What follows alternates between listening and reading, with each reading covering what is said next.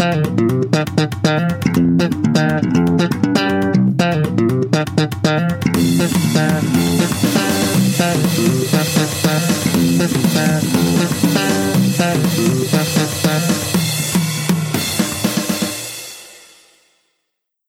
och välkomna till ett nytt specialavsnitt av podcasten Tätorts vänner. Till dagens avsnitt har jag pratat med Dan Josefsson. Prisbelönt för författare och journalist. Dels för Mannen som slutade ljuga och Knäcket, Aftonbladets förlorade heder. Vi pratar om journalistik, Thomas Quick-jobbet, hur lång tid det tar att skriva artiklar om böcker. Helt enkelt en podcast som handlar om journalistik. Det var ett väldigt givande möte och jag hoppas att ni kommer tycka det var lika trevligt som jag gjorde. Nu kommer Dan Josefsson. Eh, vem är Dan Josefsson? Jag är frilansjournalist. Eh, blev journalist, eh, började på journalistlinjen när jag var 28 år, 1992, i Stockholm på universitetet. Och hoppade av efter ett och ett halvt år. För att jag blev eh, springvikarie på Rapport som allmänreporter. Och sen har jag jobbat mm, som anställd på tidningen ETC i några år. På 90-talet, eh, slutet på 90-talet. Eh, och efter det har jag varit frilans så jag gör tv och skriver en del böcker och skriver artiklar. Men när du sa det, springvikarie, är det helt enkelt att de skulle behöva att du gör någonting? Ringer man in så är det typ mm. som timvikarie? Ja, precis. Timanställd. Ja. Jag tänker som så att när man ska välja liksom högskolelinje så här, de flesta väljer ju in när de är relativt unga. Mm. Jag började när jag var 20 och ja, det är ganska ungt. Mm. Kan det vara till din fördel att det blev lite efteråt? Ja, alltså det, det, var ju en fördel på det sättet att jag hade ju jobbat lite grann innan då. Jag var mentalskötare. Ja. Så jag jobbade ett par, tre år som mentalskötare då. Eh, och den erfarenheten har jag haft nytta av som journalist får man ju säga. Eh, dels därför att jag bara rent har sett ja. arbetsliv eh, på något sätt i någon annan skepnad än journalistik. Och sen, eh, ja inte minst när jag gjorde kvickjobbet ju. Så var det ju väldigt bra att jag hade jobbat på psyket. Och det kan jag utlova, det, det kommer om ett litet tag. Där. Hur kom det sig att det just blev journalistik? Då? Jag var ju samhällsintresserad på något sätt. Så politiskt radikal. Jag hade varit rätt engagerad i när folk folkkampanjen mot kärnkraft när jag gick på högstadiet. Ja. Det var en sån här folkomröstning om kärnkraft. Så jag höll på med, med det då. Och det gjorde väl också att jag var, var som intresserad av politik och samhälle. Ja. Och hade väl någon eh, idé om att jag ville på något sätt förändra saker. Sen var jag rätt inspirerad av en del journalister. Alltså, jag hade ju läst då tidningen ETC ganska mycket och där fanns ju många olika sorters journalistik som jag gillade liksom. Ja. Och sen... Eh, och så var det ju, det var så Jan Guillou och Göran Skytte och sånt där Rekordmagasinet eh, som Jan Guillou hade haft då. Och sen även eh, Striptease med Janne Josefsson var också sån här. Hannes Råstam var väl där också? Ja, fast det kom, han kom in senare alltså. Vi han blev också journalist sent. Så att när jag började så hade, var inte han där. Utan han kom in sen. Eh, så honom träffade jag ju liksom när jag var journalist. Då. Men, men det, var, det var vissa saker som Janne Josefsson gjorde som jag var väldigt inspirerad av. Guillou Skytte, Johan Ehrenberg. Um, och sen um, så blev det då tv för min del först, även om jag inte hade tänkt det. Så jag gjorde ju, började jag göra tv redan på, som praktikant då på journalistlinjen. Så jobbade jag på Sydnytt. Ja. Gjorde nyhets-tv och så här. Eh, och det hade jag egentligen inte tänkt göra. Det var, det var Tom Aland egentligen, alltså den här dokumentärfilmaren. Som, eh, mycket gjorde, duktig. Mycket, mycket duktig, ja, verkligen. Som eh, kom till skolklassen då och snackade och visade lite från sina dokumentärer. Då. Och då frågade jag honom liksom, hur, hur bär man sig åt om man vill göra dokumentärer. Och då sa han att, man skulle, att jag borde försöka få en praktikplats på någon mindre nyhetskanal så att jag fick göra väldigt många jobb. För ju fler jobb jag gjorde desto bättre skulle jag bli på det rena hantverket. Och det körde jag ju på verkligen. Ja. Så jag gjorde en fruktansvärd massa inslag på Sydnytt. Alltså Tom Aland var nog någonting, jag hade nog sett dokumentärer av honom tidigare utan att riktigt fatta vem han var. Ja. Utan det var alltså först egentligen på, på journalistlinjen, antagligen våren 93, som han kom dit och snackade och visade. Liksom. Jag blev så jävla tagen av det han visar för han gör ju helt otroliga reportage. Alltså.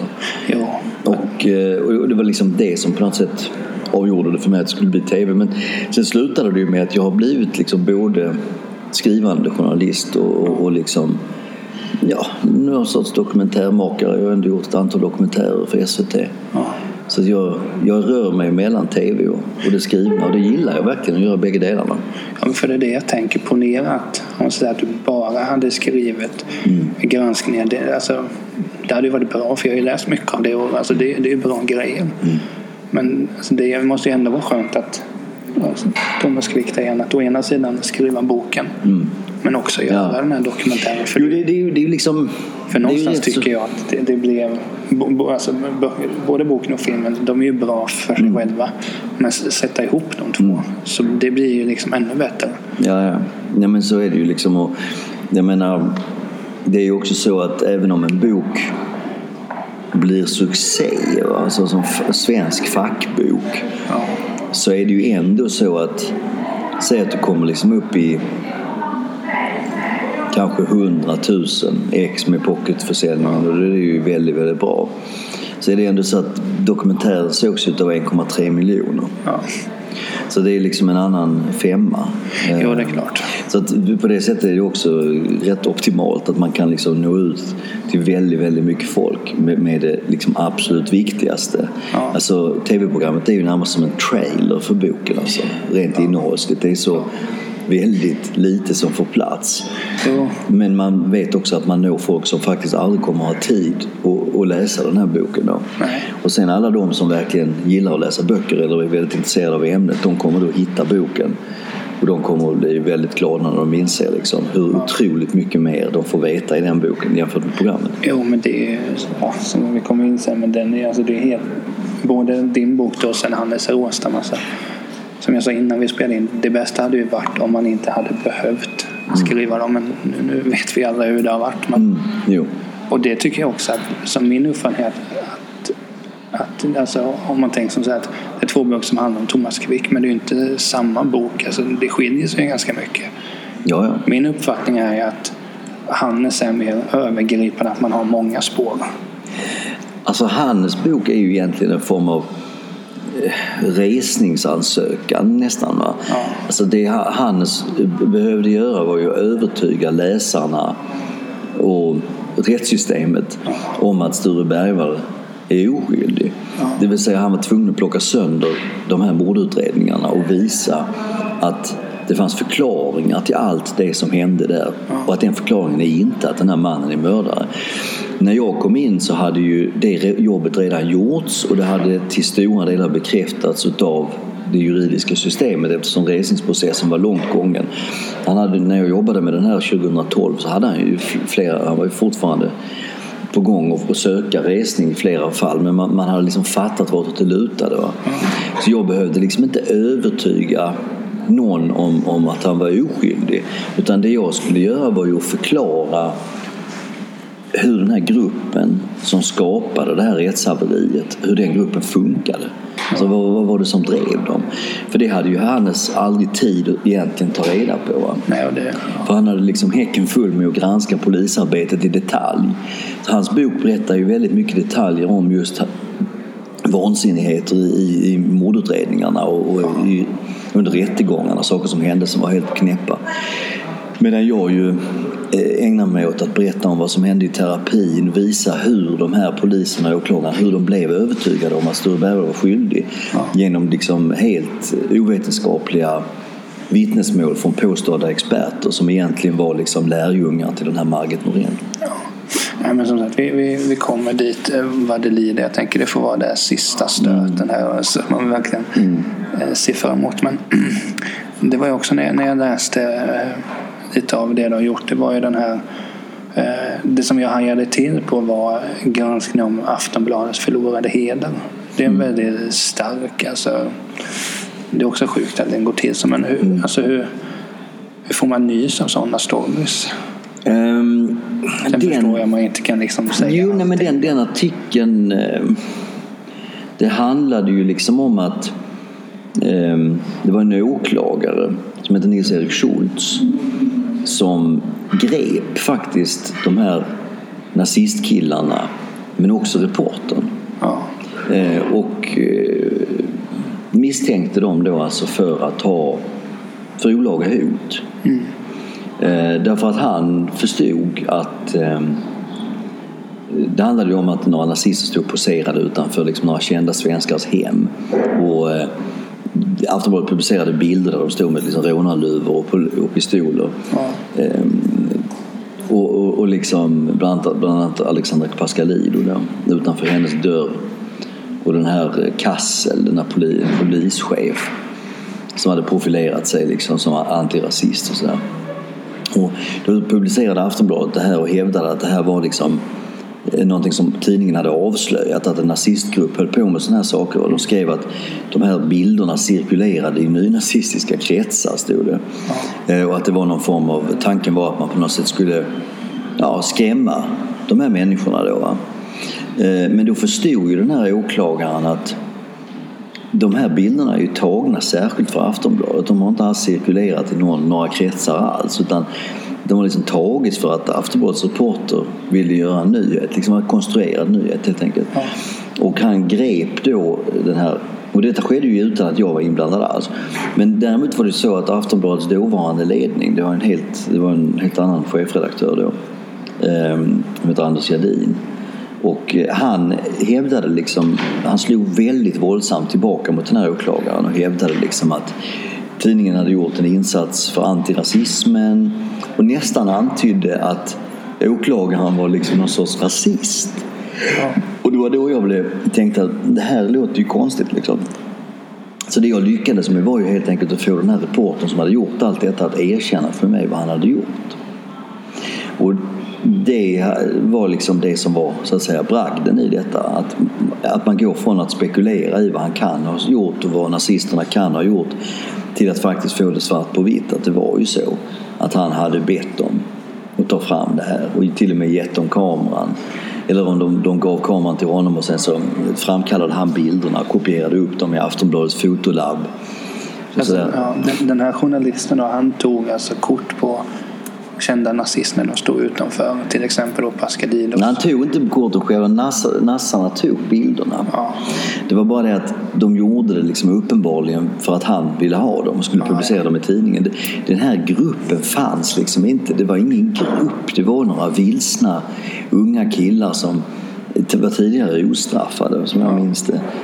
Väldigt förvirrade typer. Men de framställdes liksom som någon livsfarlig mördargrupp så att de blev ju liksom på något sätt upplyfta där ja, av Aftonbladet. Ja. Eh, och det var ju det var ingen snygg historia alltså. Han erkände det liksom i, i en intervju med mig liksom för att jag lyckades övertala honom att göra det. Där. Men jag tänker att det kan man ju bara tänka själv. Ponera att jag har ljugit om någonting, mm. inte allvarliga saker men mm för att du skulle övertyga mig, det krävs ändå ganska lång tid att jag ska erkänna att ja, det var Men det, det var ju argumentet jag hade var ju, alltså, jag visste nämligen att, att han inte hade det så lätt den här killen. Han, han hade blivit fast anställd på Aftonbladet i samband med att han gjorde de här så kallade avslöjandena. Ja, ja. Sen när han blev anklagad för att alltihop egentligen var fusk. Va? Då gick ju tidningen ut till hans försvar väldigt aggressivt. Men internt visste ju tidningen, de var inte, de var inte dumma i huvudet, de fattade ju att åklagaren hade rätt. Ja. Att den här killen hade fuckat upp något så fruktansvärt.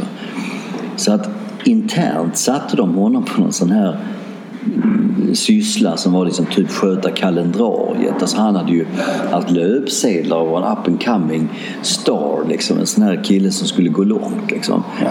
Och plötsligt sitter han i princip liksom på arkivtjänst. Med sin fasta anställning. Och det hade jag ju hört, jag hade fått veta det, att han satt undanstoppad någonstans.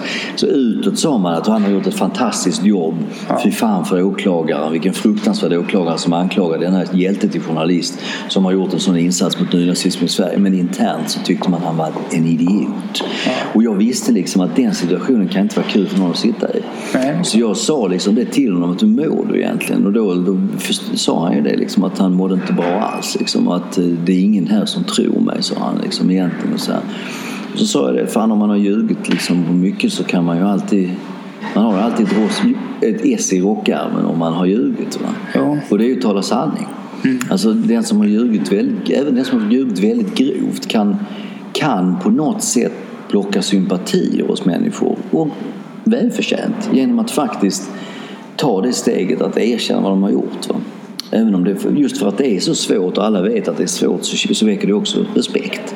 Så jag sa till honom, är det inte bättre att du, att du berättar för mig vad fan som har hänt? Och liksom börja på ny kula istället för att sitta där med den här lögnen. Liksom. Och då så skulle han tänka en stund och sen ringde han upp och sa att, att jag kunde komma hem till honom. Men jag skulle göra det snabbt innan han ändrade sig. Sen åkte jag dit. Ja. Och så, så berättade han. Och då liksom alla kort på bordet? Ja. Och så eh, Sen så skrev han ett brev till chefredaktören där han sa upp sig, tror jag.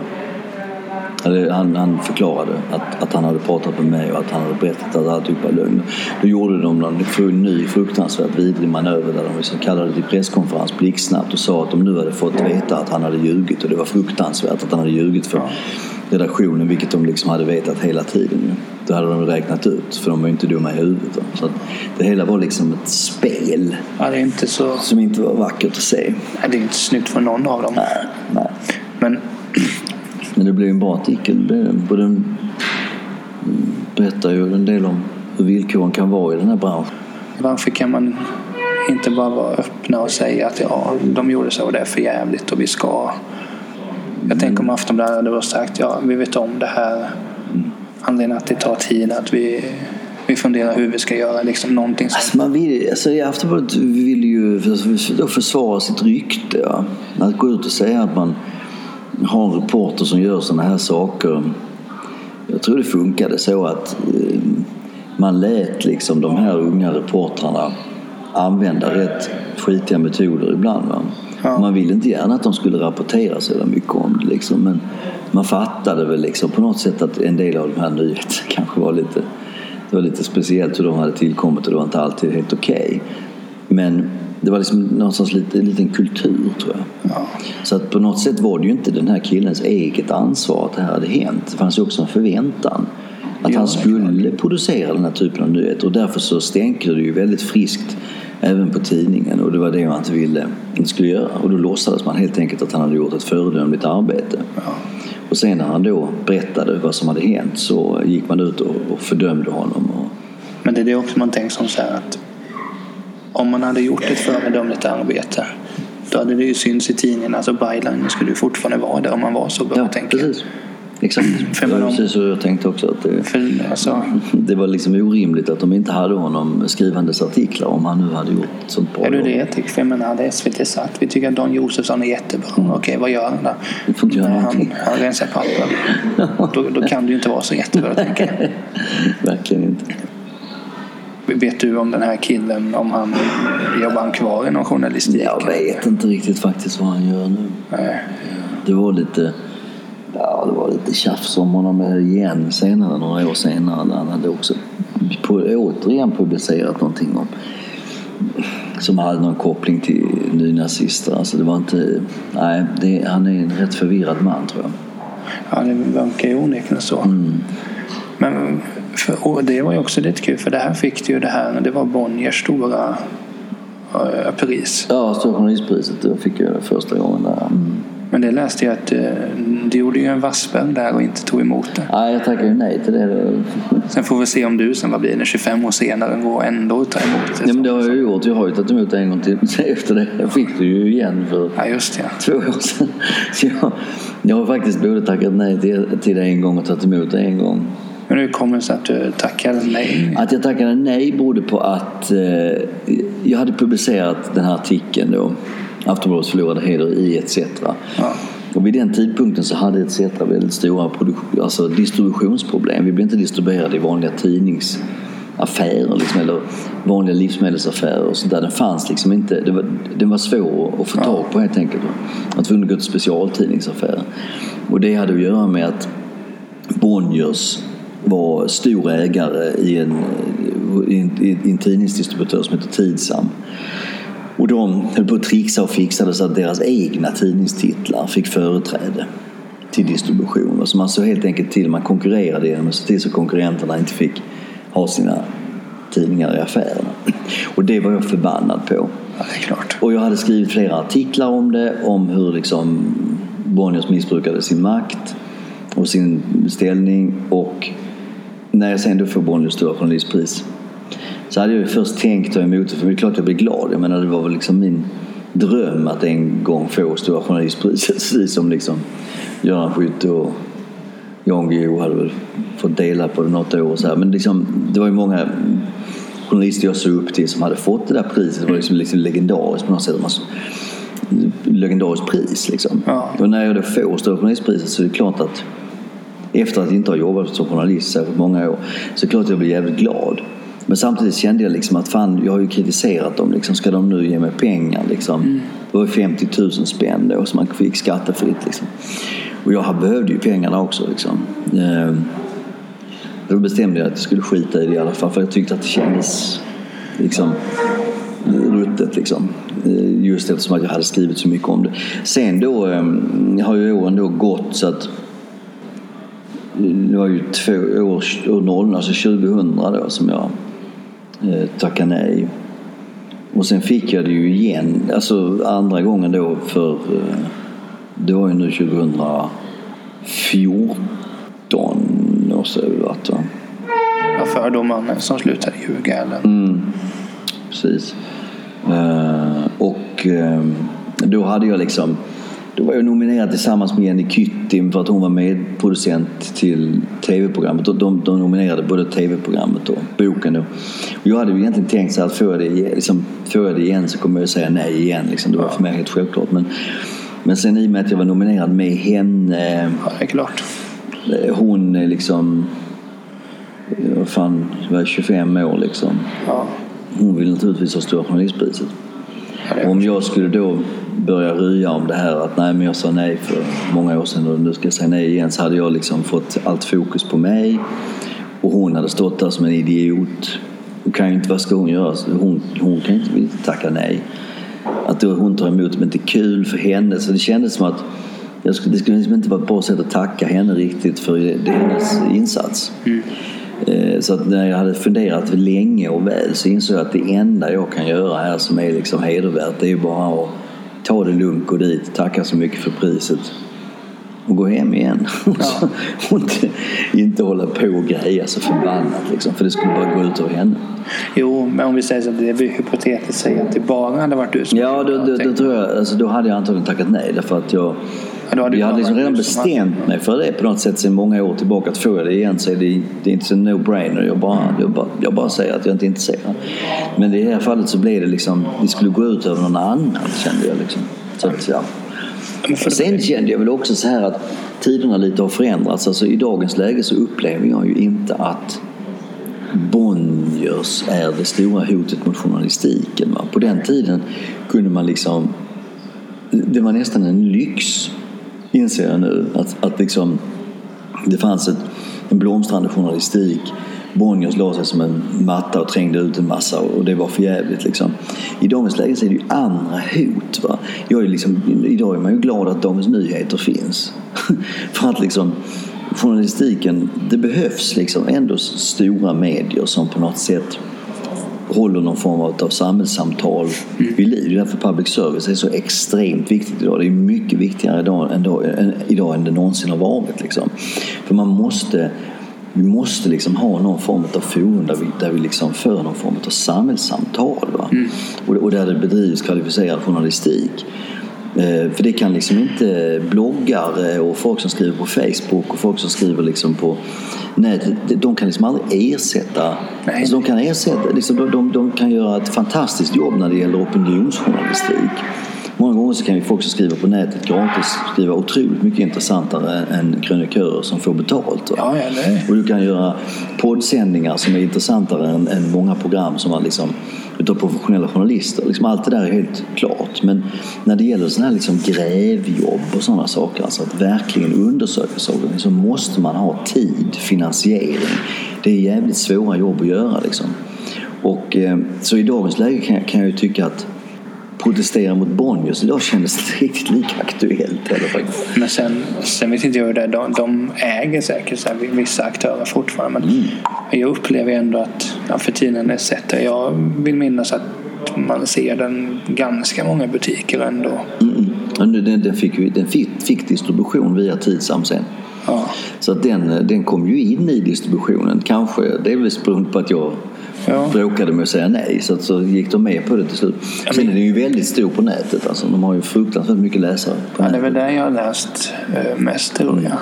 Ja, jag är som sagt jag har läst eh, ja, olika reportage, det som intresserar mig. Så. Men, men jag tänkte här, du, du nämnde tidigare att, att Bonniers då inte är ett hot mot journalistiken. Att det finns ju de som Vissa hävdar att journalistiken är på väg liksom att dö ut. Och så här, det har man ju hört i rösten. Men vad tycker du är det största hotet idag? Alltså, det största hotet är ju att man har jävligt svårt att hitta finansieringssätt. Alltså, att, ehm, alltså på, på kort sikt så är det ju så att alla gagnas ju liksom, alla tycker ju att det gagnar dem att, man, att, att läsa liksom gratis på nätet.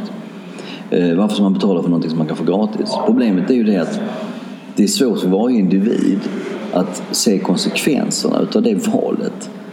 För den samlade konsekvensen blir till slut att väldigt få kommer att ha betalt för att göra journalistik. Och vad blir resultatet av det? Resultatet blir att en massa väldigt viktig journalistik, alltså avslöjande journalistik, eh, inte blir gjord. Och det gör att vi allihopa kommer att bli betydligt dummare därför att vi kommer inte att veta vad som pågår omkring oss. Va? Vi kommer att ha alltså näringsliv och politiska makthavare som kan eh, jobba på ett sätt som de inte har kunnat på väldigt lång tid. Alltså, utan risk för eh, granskning. Och, och problemet är ju det att makt som inte granskas eh, urartar ju till korruption. Va?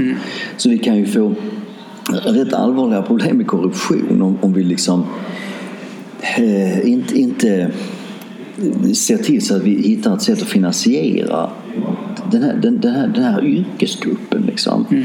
Och det där är liksom någonting som är väldigt svårt för, för varje individ i ett samhälle att, att ta ansvar för. Ja. För att alla liksom i sin, sitt lilla perspektiv, mitt lilla perspektiv så är det naturligtvis så att vad fan ska jag betala för en prenumeration när jag kan hitta en massa intressanta artiklar som fyller min lästid på nätet. Men frågan är liksom, och då, då, då är ju, och då är liksom till exempel då public service enormt, enormt viktigt. Alltså. Ja. Och det ser man ju nu, du ser ju vad SVT gör. Ta den här eh, det senaste avslöjandet som Dokument inifrån som jag nu jobbar för. Liksom.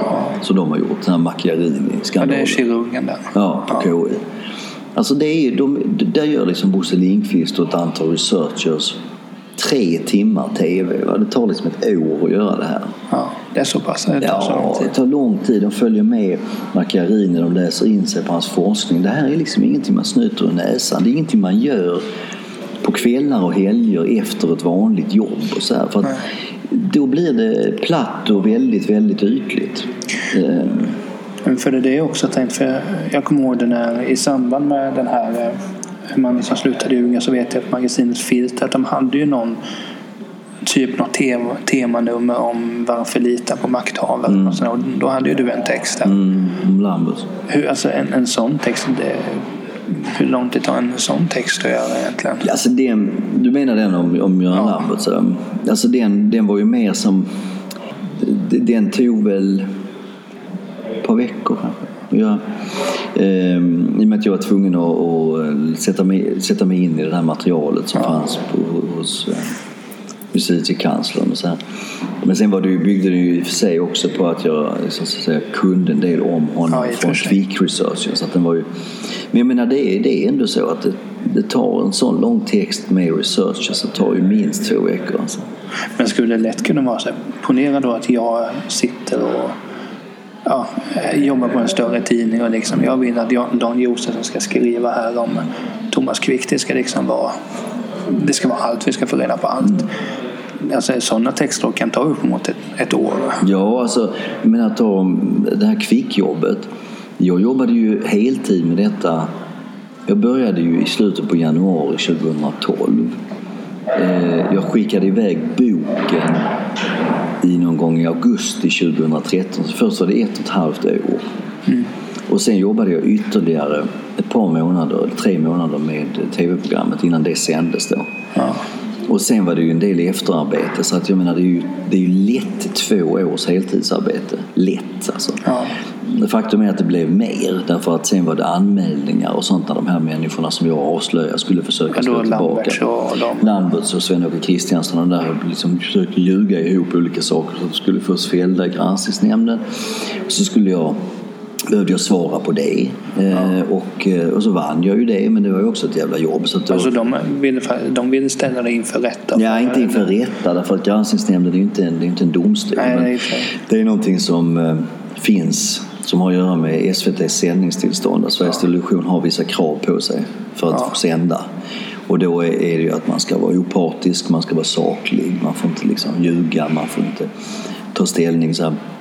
Och då försökte de ju på att anmäla då. Men det, det lyckades ju inte. Jag blev ju friad av en enig nämnd. Ja, det rimligt. Men det är liksom mycket, det är mycket jobb. Va? Så att säga att ett sånt där jobb, ja, kanske två och ett halvt år. Ja. Heltid. Och det, det är det som vi var inne på när, när det blir så här mer att man tänker mer och mer att alltså varför ska jag köpa den här tidningen? Den finns att hitta på nätet mm. och så här, men det är väl ungefär samma sak om man kan dra en liknelse till musikbranschen när Spotify riktigt slog igenom. Mm. Alltså det gjorde ju att när man tankade ner musiken så gjorde det att ja, men artisterna måste släppa oftare mm. och då blir det kvaliteten sämre. Ja. Men nu upplever ändå jag att när Spotify har blivit så pass brett och i mm. princip alla har att musik att banden att det, det är på en ganska hög nivå. Ja. Men skulle man inte kunna ha något sånt med jo. tidningar? Att... Det är mycket möjligt att man kan hitta sådana alternativa finansieringsmetoder. Det är, det är skitsamma hur pengarna kommer in. Men jag menar, public, public service är en ganska bra idé. Jo, men för, för någonstans är det att det säger ju inte bara nu för att vi sitter på SVT att jag känner, alltså det, det känns ju mycket, mycket mer trovärdigt om man ser en granskning här än till exempel på jag höll på att säga femman, men de gör väl knappast granskningar. Men du mm. förstår min ja. poäng där. Och jag menar det, det är också då om, om kraven finns att man ska vara opartisk. Att, ja, må hända att du tycker som Göran Lamberts men det ska inte gå in. Det, det som kommer fram det är det man ska gå efter. Mm. Och det gör ju också att då allting blir bättre. Och vi ser den senaste tiden det kom fram det här med eh, det som Aftonbladet tog fram om facket nu, nu jag har glömt bort vilket fack det var, men här i Stockholm, mm. LO eller Kommunal eller vad det var. Mm. Så jag menar, det görs ju väldigt mycket bra journalistik. Absolut. Och jag menar, blir det så att det blir gratis, då blir det till slut att man tar reda på vilken kaviar som är bäst, som jag läste en lista om här förleden. Mm. Och jag menar, det kanske man inte vinner så jättemycket på. Det måste ju finnas en massa olika men det, det, det, det måste finnas pengar till kvalificerad journalistik. För annars så blir det väldigt eh, det blir väldigt, väldigt lätt att eh, lura folk och sko sig. Ja. Korruptionen har liksom och sådana här knaserier som det som hände i KI eller det här med Kvick. Alltså, det fanns ju alla möjligheter för rättsväsendet att korrigera Kvick-skandalen utan hjälp av journalister. Va? På pappret så skulle det ju gå alldeles utmärkt. Man hade, lämnade ju in en anmälan till Göran Lamberts då, 2006. Ja. Och då han hade kunnat eh, sätta igång en utredning och även åtala, alltså polis och åklagare. Och så. Men han gör inte det därför att det finns liksom systemfel helt enkelt. Alltså han, han eh, går en annan väg och då, då, då behövdes ju journalistiken. Så utan Anders Åstam så hade vi ju aldrig hade vi aldrig fått veta att, eh, sannolikt att Sture Bergvall är oskyldig. Och utan mina insatser så hade vi aldrig fått veta vad som drev de här galningarna till att göra detta.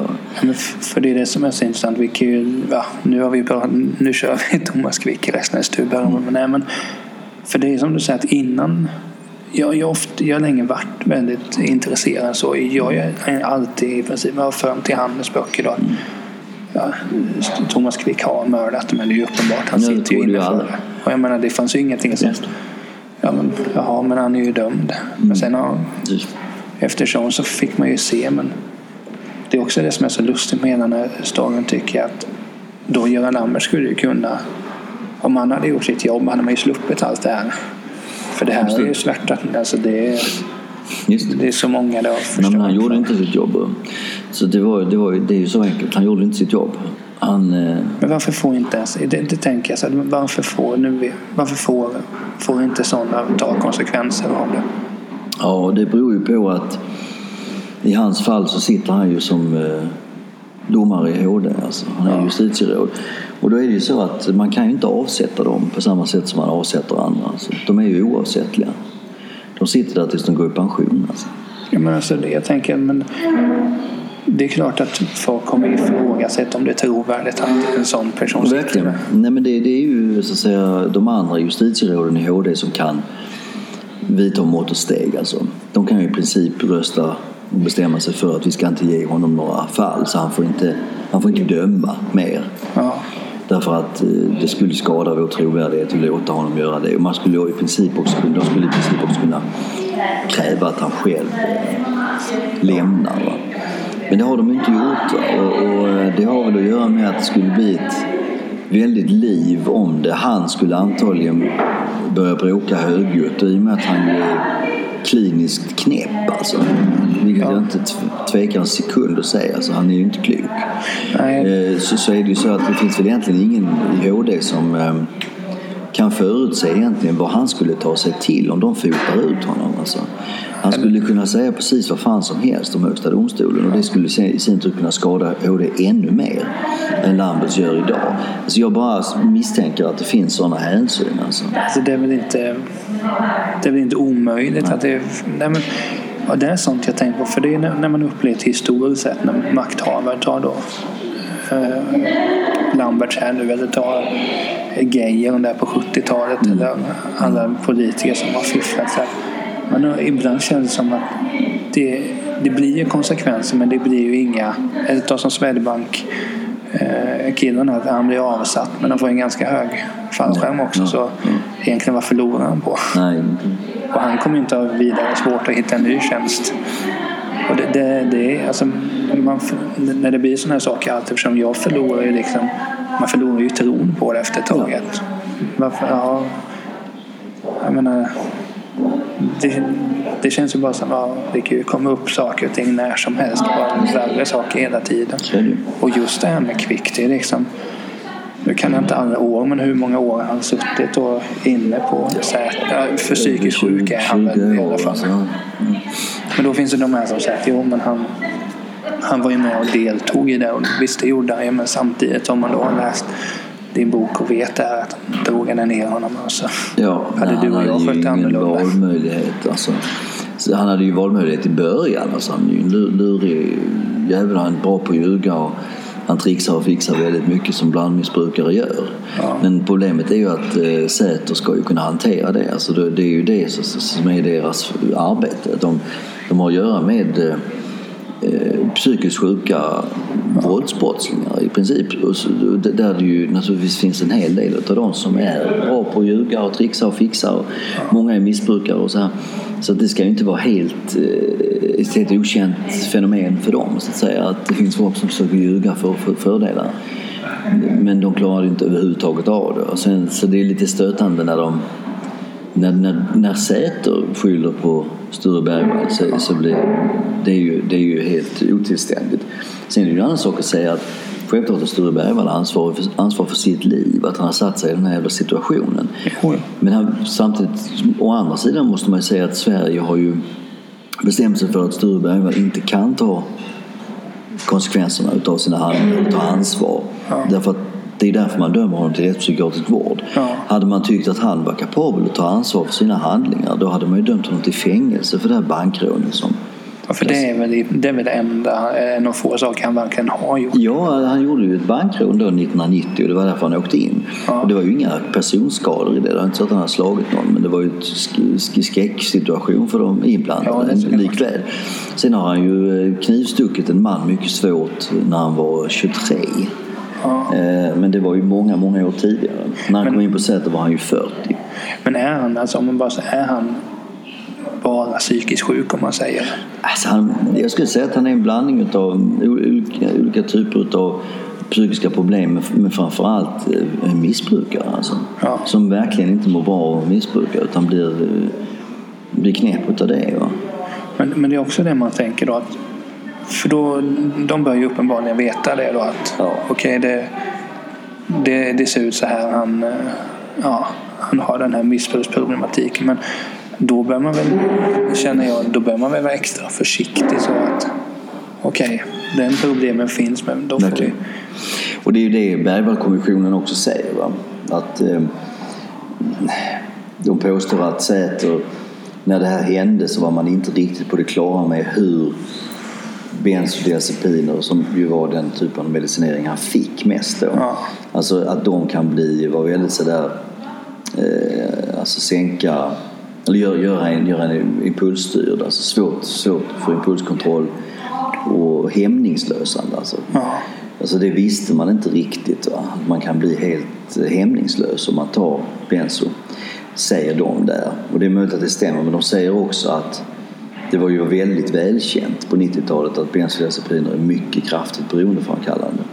Och det i sig borde ju Säter ha funderat på. Ja, det tycker att jag. eh, en människa som vill ha mer benzo kan ju nästan göra vad som helst för att få det. Liksom. Det är ju Ja. välkänt. Så att sälja mammas, gamla mammas TV och sånt där för att få Ja. en karta tabletter.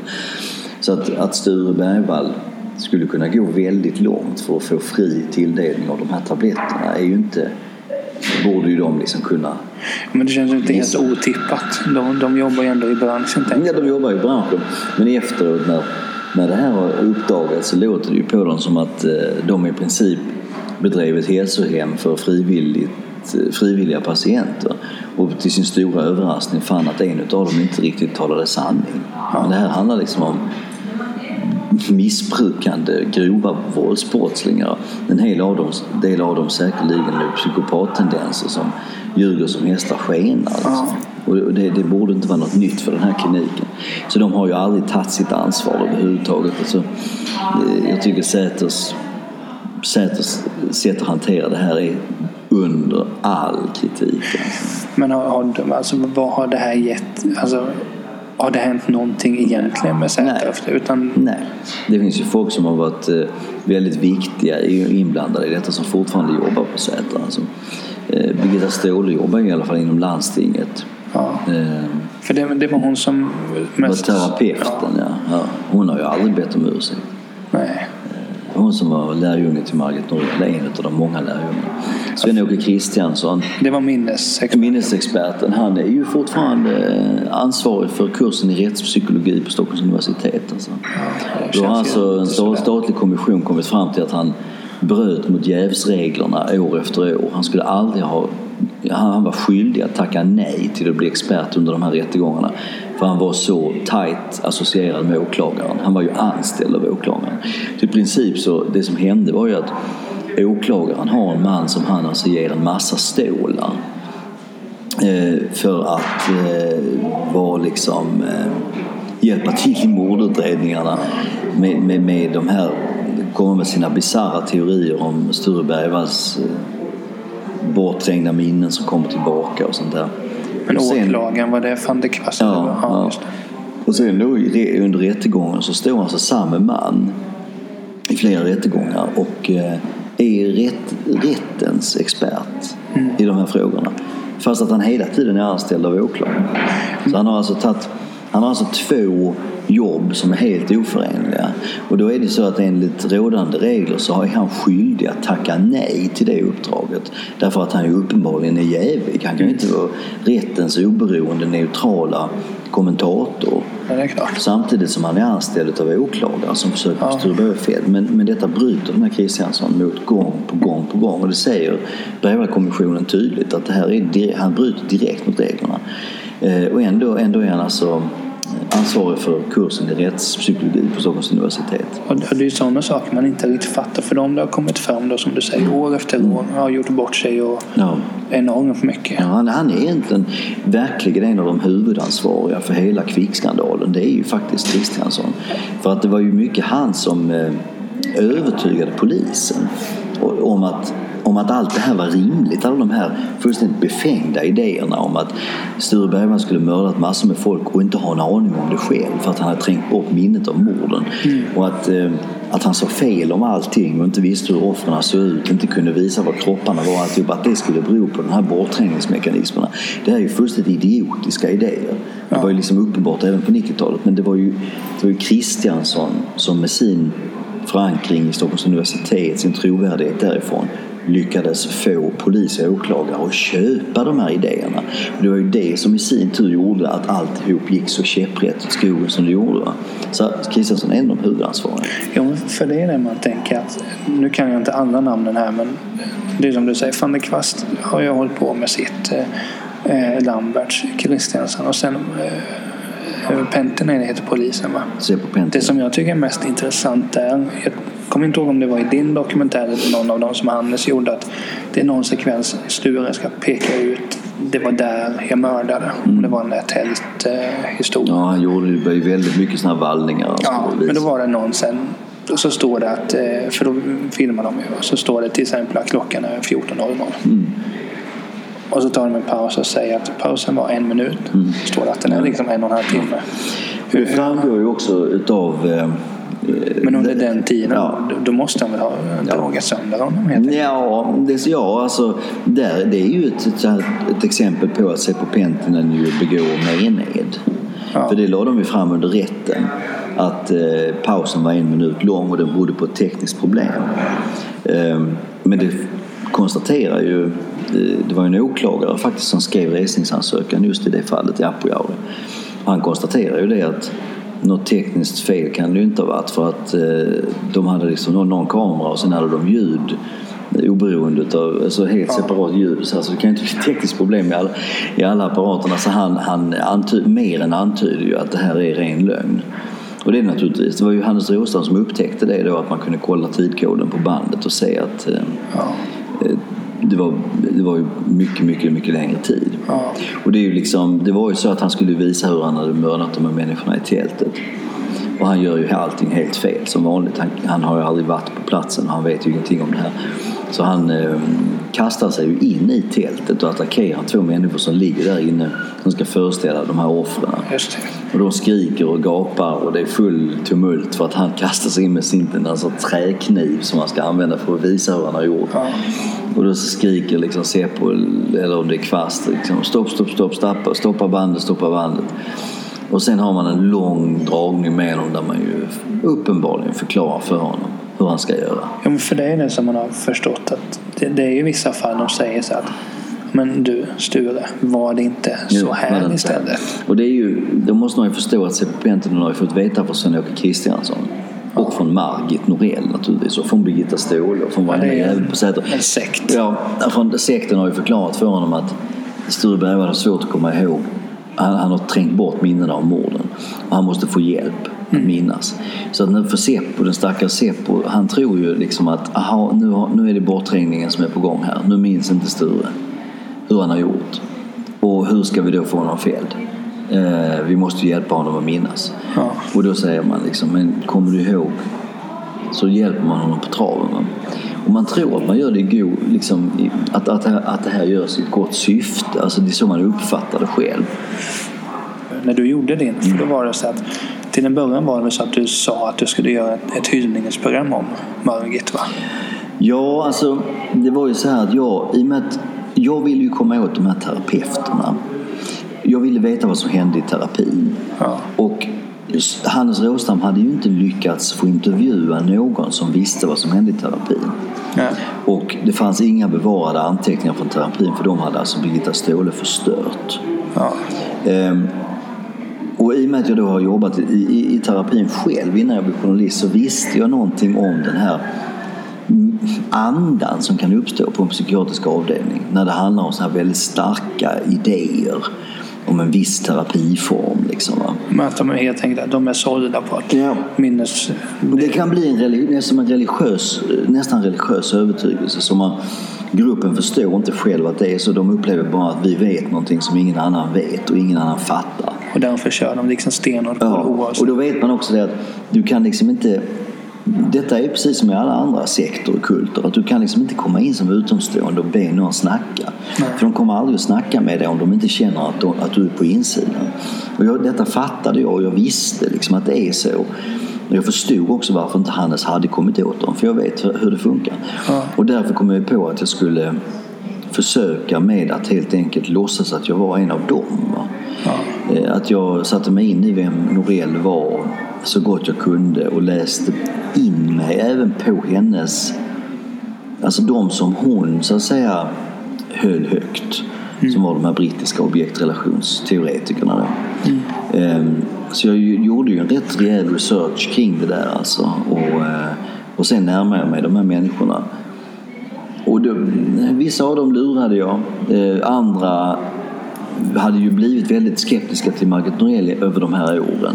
Ja. Så de behövde ju egentligen inte lura så mycket. När, när jag kom och sa att jag ville skriva en bok om Margit Norell så var det ju som att de närmast sa ja, jo, hon var ju väldigt viktig för mig i många år. Men sa de, det, det grejen är att det var inte okomplicerat. Va, för att det, det där, det där urartade ju till en sekt och det tog mig många år att komma ur det. Så att de, jag snackar ju inte om kvick, men det fanns ju sådana lärjungar, tidigare lärjungar som förklarade för mig att det här var svårt, svårt, knepigt. Det var inte alls så, så, så rosenrött som jag trodde. Ja. Eh, Och dessutom var Margit väldigt viktig i kvickfallet. Liksom. Och så sa de liksom att de har väntat i princip att någon ska komma och fråga dem om det här men de vet, har inte vetat vad de ska göra. Och då blev det ju på något sätt så att de behövde jag ju inte lura. Det enda jag sa då var jaha, säger du det? Jaså, var Margit inblandad i Thomas Quick? Det var intressant. Ja, då kanske jag Du visste det hela tiden? Ja, jag eller? visste det ju hela tiden. Men, men jag liksom, på det sättet så kom jag så att säga, på rätt fot med, med, med vissa av de här Ja. väldigt snabbt. Och, och, och det var ju en del av dem som till och med ställde upp i tv-programmet. Alltså. Ja. Eh, Därför att, och då, då var det ju så uppenbart. Vi gör ett program nu om, om Thomas Quick. Liksom. Nu trodde de kanske att, att det var de som hade lett mig dit. Så att innan boken släpptes så förklarade jag för alla, då ringde jag runt till alla och sa som det var.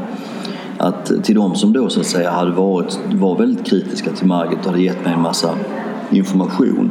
Ja. Så sa jag ju det att, att jag ljög på, så vis att jag visste kopplingen mellan Margit och Quick redan när jag kom till dig. Men jag vågade inte jag vågade inte säga att jag skulle göra en kritisk bok för jag var inte säker på om du skulle vilja prata med mig. Och de förstod ju det allihopa. Ja. Ehm, sen var det väl eh, sen var det vissa av de här som var väldigt lojala med Margit fortfarande och som också hade varit väldigt inblandade under de här kvicka åren. Och de lurade jag ju genomgående så att säga. De Kan du, ju...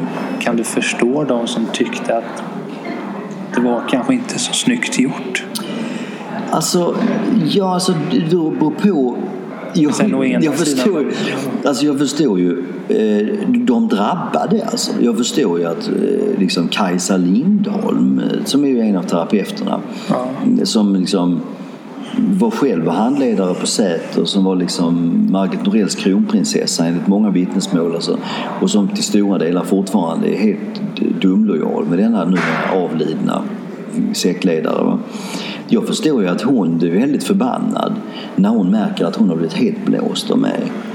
Och att hon dessutom är med med dold kamera i tv-program. Det, det, det är ju inte så att jag, jag, jag förstår att hon blir arg. Men det har jag ju inga, ingenting emot att hon blir. Nej, alltså. Hon, jag uppfattar henne som en, liksom, charlatan som förstör sina patienters liv. Eh, och som fortfarande håller på med de här terapierna. Alltså, vilket är fruktansvärd skandal. va. Så att jag menar, att, att de drabbade blir förbannade, det förstår jag. Däremot så kan jag säga så att jag har ju faktiskt knappt stött på någon annan som tycker att det här inte var okej att göra. Nej, för det är lite det jag tänker som så att å ena sidan Säg att du hade liksom ljugit för mig på ett sätt. Mm. Det är klart, hade jag varit en av dem hade jag tänkt vilken jävla tomte. Liksom. Mm. Men sen samtidigt, alltså, det viktigaste är att man får fram sanningen.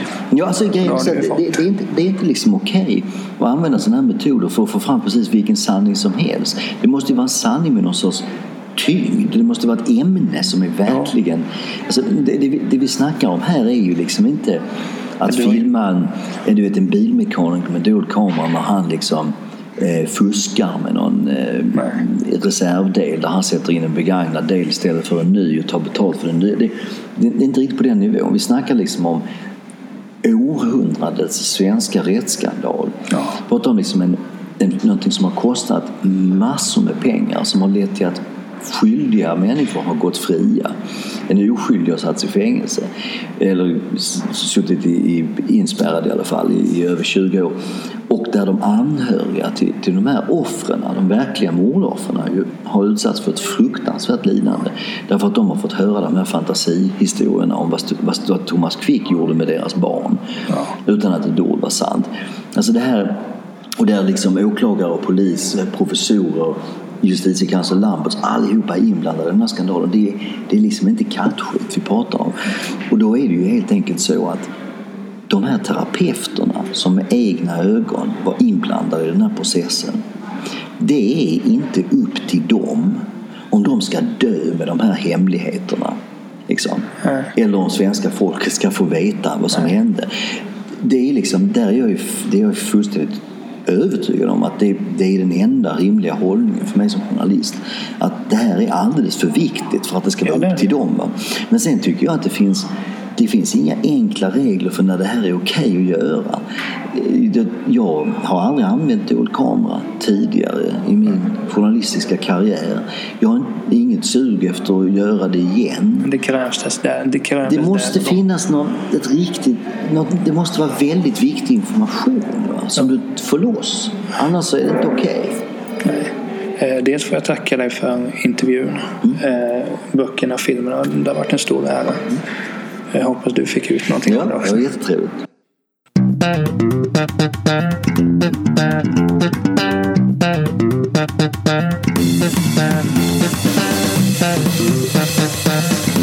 Thank